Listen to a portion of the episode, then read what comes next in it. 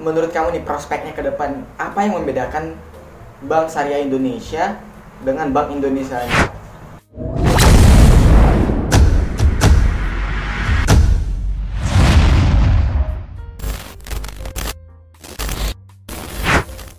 Eh, gini ya, itu kan kemarin dilaunchingkan ini bulan Oktober 2020. Launchingnya Oktober, resmikannya aja baru kemarin. Diresmikannya tanggal 1 kemarin. Aha. Diresmikannya di seluruh Indonesia tanggal 1 kemarin, Iya. tapi untuk press release rilis Press release itu Oktober, Oktober 2019. 2020. 2020. 2020. Oh iya, 2021 ya. Ini di latar belakangi ini saya ambil dari referensi dari kompas.com.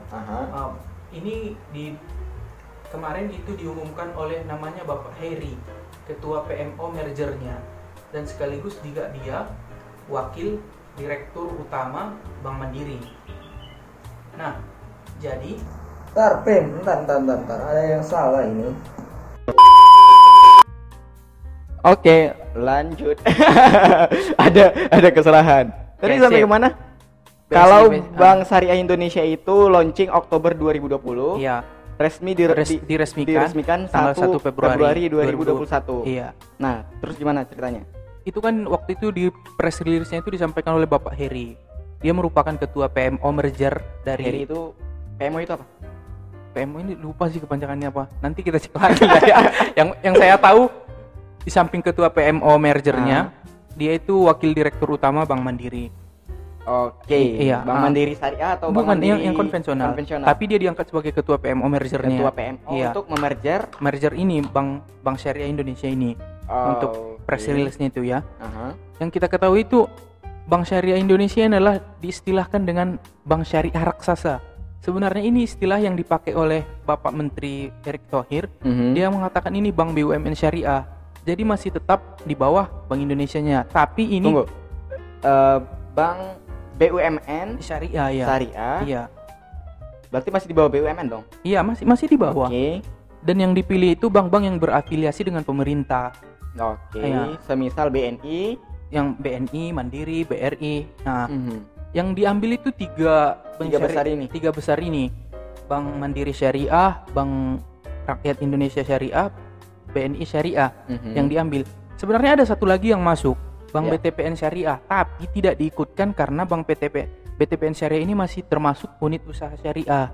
Jadi istilah kalau kami sa- saya dulu ya belajar di perbankan syariah khususnya belum spin off gitu dia. Kalau Aha. Mandiri Syariah kan sudah tidak mengikut ke Ya, Bank ya, Mandiri ya, lagi ya, seperti ya, itu ya, kan. ya, ya. Sudah memang dia Udah berdiri sendiri. Iya. Nah, jadi yang tiga inilah ditetapkan digabung dan dibentuk Bank Syariah Indonesia Oke. pemegang saham utamanya ini yang diambil itu Bank Mandiri Syariah karena saham dia ini ada berkisar kalau saya tidak salah mungkin kita cek lagi itu sebesar 114, koma sekian triliun Di di untuk memerger Merger ini. ini. Iya, ah, ah. Jadi itu di Bank Mandiri, Bank Mandiri Syariah yang lebih besar. berarti pemegang saham terbesar itu Perma- Bank Mandiri Syariah. Jadi pemegang saham kendali untuk BS ini dipilih dari Bank Syariah Mandiri. Oke. Sementara yang paling rendah kemarin kalau nggak salah saya cek BNI ya. BNI Syariah Aha. yang paling rendah untuk sahamnya. Jadi total mereka ini berkisar 225 triliun saham yang mereka bangun ini. Jadi saham BS yang sekarang terbentuk itu berkisar dari 220 sampai 225 triliun. Cukup besar juga sih iya, ya. ah. Walaupun kita nggak tahu sebenarnya uang itu mau ke mana ke mana Ah, ah. aja kan ya. Dan juga pada yang unik kemarin tanggal Iya. 1 Februari kemarin pas launchingnya itu kan Aha. Presiden Joko Widodo juga menyampaikan oh pesan kepada kita seluruh warga Indonesia bahwa Bank Syariah ini Bank Syariah Indonesia ini launching bukan hanya untuk umat muslim. Sistem syariah Ya. ini masih boleh dipakai untuk umat di luar Iya, muslim. si- siapa juga yang Iya, melarang kan? ah, ah. Makanya dengan tujuan adalah dibentuknya ini adalah otomatis untuk pemulihan ekonomi Indonesia Mhm. dan diharapkan karena salah satu yang bermasalah dan tujuan mereka yang saya tangkap ya karena kita lihat bagaimana sih kita malu kita penduduk umat muslim terbesar tapi Ya. bukan role model utama dalam Mhm. ekonomi syariah sama negara tetangga aja kita masih kalah dengan Kalah. Malaysia Ah, ah. Ini kalau kita di Indonesia itu konsepnya itu masih makai selesai. Kalau Malaysia aja udah pakai konsep quasi equity. Hmm. Kan udah udah beda padahal masih Malaysia loh. Ah, ah. Udah udah beda gimana gitu. Mm-mm. Jadi itulah tujuannya ini dengan yang saya tangkap bahwa di tujuannya dibentuk ini adalah Mhm. ekonomi syariah itu Indonesia bisa sebagai pusat ekonomi syariah seperti itu. Mudah-mudahan aja. Mudah-mudahan aja ya. Walaupun sebenarnya bank bank dunia syariah itu udah ada ya. Iya. Udah ada kan di di mana ya? Dulu. Eh, Barcelona kalau nggak salah ya. Wih, kecek lagi lah nanti. Tahu. Cemana ini kita bicaranya apa? Sanggup gak sih sebenarnya orang-orang itu? Eh, bu- sa- kalau sanggup nggak sanggup itu tergantung mau atau, atau tidaknya ya. Hmm. Sanggup nggak sanggup itu nanti urusan belakangannya. Paham tidak pahamnya ini sekarang. Karena kan nggak bisa dibohongin juga sih orang-orang sekarang itu masih beranggapan bahwa ah itu cuman namanya aja beda. Udah faktanya sama aja gitu kan. Memang susah sih kalau mindset orang itu masih belum terbangun. Gini nih yang jadi permasalahan. Mhm. Sesuatu itu yang menggagalkan seseorang itu paling utama adalah pikiran negatifnya. Kalau saya pribadi ya. Kadang apalagi kalau kita lihat jika di pikiran seseorang itu setelah timbul pikiran negatif, Ya. pasti usaha-usaha untuk melakukan hal positif akan tidak ada. Begitu juga apabila kita tarik dengan ekonomi syariah ini. Aha. Apabila muslimnya sendiri masih berpikiran terus-menerus dan setelah diberikan edukasi juga memang kalau memang apalagi kita tarik di banknya sendiri belum Ya. murni seluruhnya saya lihat belum murni itu pasti. Tapi kan yang Tapi ya. yang harus kita bangun adalah kalau memang muslimnya sendiri tidak mau perlahan selangkah demi selangkah untuk membangun ekonomi syariah melalui peningkatan bank syariah ini sendiri. Jadi bagaimana kita akan menjadi poros ekonomi syariah itu? Itu dia.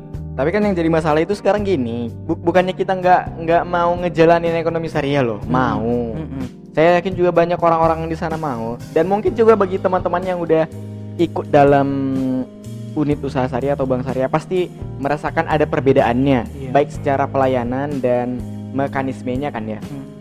Tapi kan sekarang yang gini, ki- kita ya dengan gejolak negara kita sekarang mikirnya, loh kenapa ya kalau soal uang aja muslim itu diiniin, tapi soalan yang lain kok Ah, kita di Ah iya. eh, gitu kan? Itu sih memang salah satu kendala banget untuk Hmm, pada saat untuk ini. sekarang kan ya? Iya. Apalagi dengan isu-isu kemarin ya kan. ya. Yang ada uang sama muslimnya pasti bakalan Datang. iya. Bukannya kemarin juga dipakai itu dana haji, Ah iya iya, iya sih. Ah, dipakai kan? ah, ah. Infrastruktur ya. Nggak tahu lah. Macam Pokoknya ya. dipakai. Dan we know that ada beritanya juga Ah. kan. Jadi kita mikirnya gitu, bukan bukannya kita nggak semangat untuk menjalankan ekonomi syariah ini. Ya udah, kalau kita memang mau kita ngejalanin ekonomi syariahnya, membumi kalau di bahasa kita dulu di sekolah kan membumikan ekonomi Iya. syariah, kayak gitu Iya. kan ya kan ya. Ya bukannya kita nggak mau membumikan, tapi yang namanya membumikan itu bukan dari satu pihak aja loh ya. Otomatis kita perlu dukungan dari pihak lain, terutama di pemerintah itu sendiri. Iya, terutama di ya. pemerintahnya sih kita butuh, bukan butuh sangat butuh malah Iya, kalau memang mau. Dan bukannya kita mau memaksakan bahwa ekonomi syariah itu harus diterima semua orang enggak. Karena kan kita juga dalam berekonomi ini ya sifatnya kan sesama sosial. Iya. Dalam agama aja dilarang memaksa yang seperti itu kan. Mhm. Tidak ada paksaan dalam agama Islam. Nggak Dan ada. ekonomi syariah itu juga bagian dari Islam. Memang tidak dipaksakan. Mhm. Tapi yang jadi pertanyaan adalah bagaimana kita untuk membangun ekonomi syariah itu sebagai muslimnya sendiri gitu loh. Mhm. Karena saya yakin kalau memang muslimnya sendiri aja sudah yakin untuk membangun ekonomi syariahnya, Ya. otomatis yang non muslim juga pasti akan mengikut sih. Karena ekonomi syariah pasti saya rasa ya pribadi Ya. tidak akan ada cacatnya seperti itu. Karena Tidak ada cetaknya secara teori. iya secara Kalau pelaksanaannya teori- orang ah, itu iya, jangan ah, salahin. Iya, oke, iya, ya itu Hmm. memang. Secara teori tidak akan ada cacatnya Iya. apabila dil- dilaksanakan sesuai dengan kaidah kaidah Dan orangnya tahu. Ah, ah. Jadi jangan kita menyalahin ekonomi syariahnya. Ah, ah. Itu bisa jadi oknumnya yang atau pelakunya yang nggak paham mengenai Iya, ekonomi itu syariahnya. ya yang harus diingat. Itu dicatat. Nanti referensinya diambil dari sini ya kan? Berarti orang itu bilang ekonomi syariah tidak akan pernah salah seperti itu kan? Secara Mhm. teori, tapi yang harus kita salahkan adalah oknum Oknumnya, pelaksananya. pelaksananya. Ah, ah, ah. Karena memang kita juga nggak bisa bohong. Itu aja kamu udah bilang tadi. Ya ba- banyak ini nggak tahu ya kalau di bank syariah Indonesia itu apakah memang orang-orang yang paham syariah yang melaksanakannya segala macamnya atau gimana kita nggak tahu kan. Ya itu kita memang masih belum tahu Belum sih. tahu kan, Ah, ah. kan masih baru juga. Iya, masih baru. Mhm. Untuk program dan segala macam juga kita belum tahu, belum ada Iya. berita. Ya, we are waiting lah untuk beberapa program ataupun ya upaya-upaya yang akan dilakuin. Tapi ada yang unik loh dari launchingnya Bank Syariah Indonesia ini. Uniknya adalah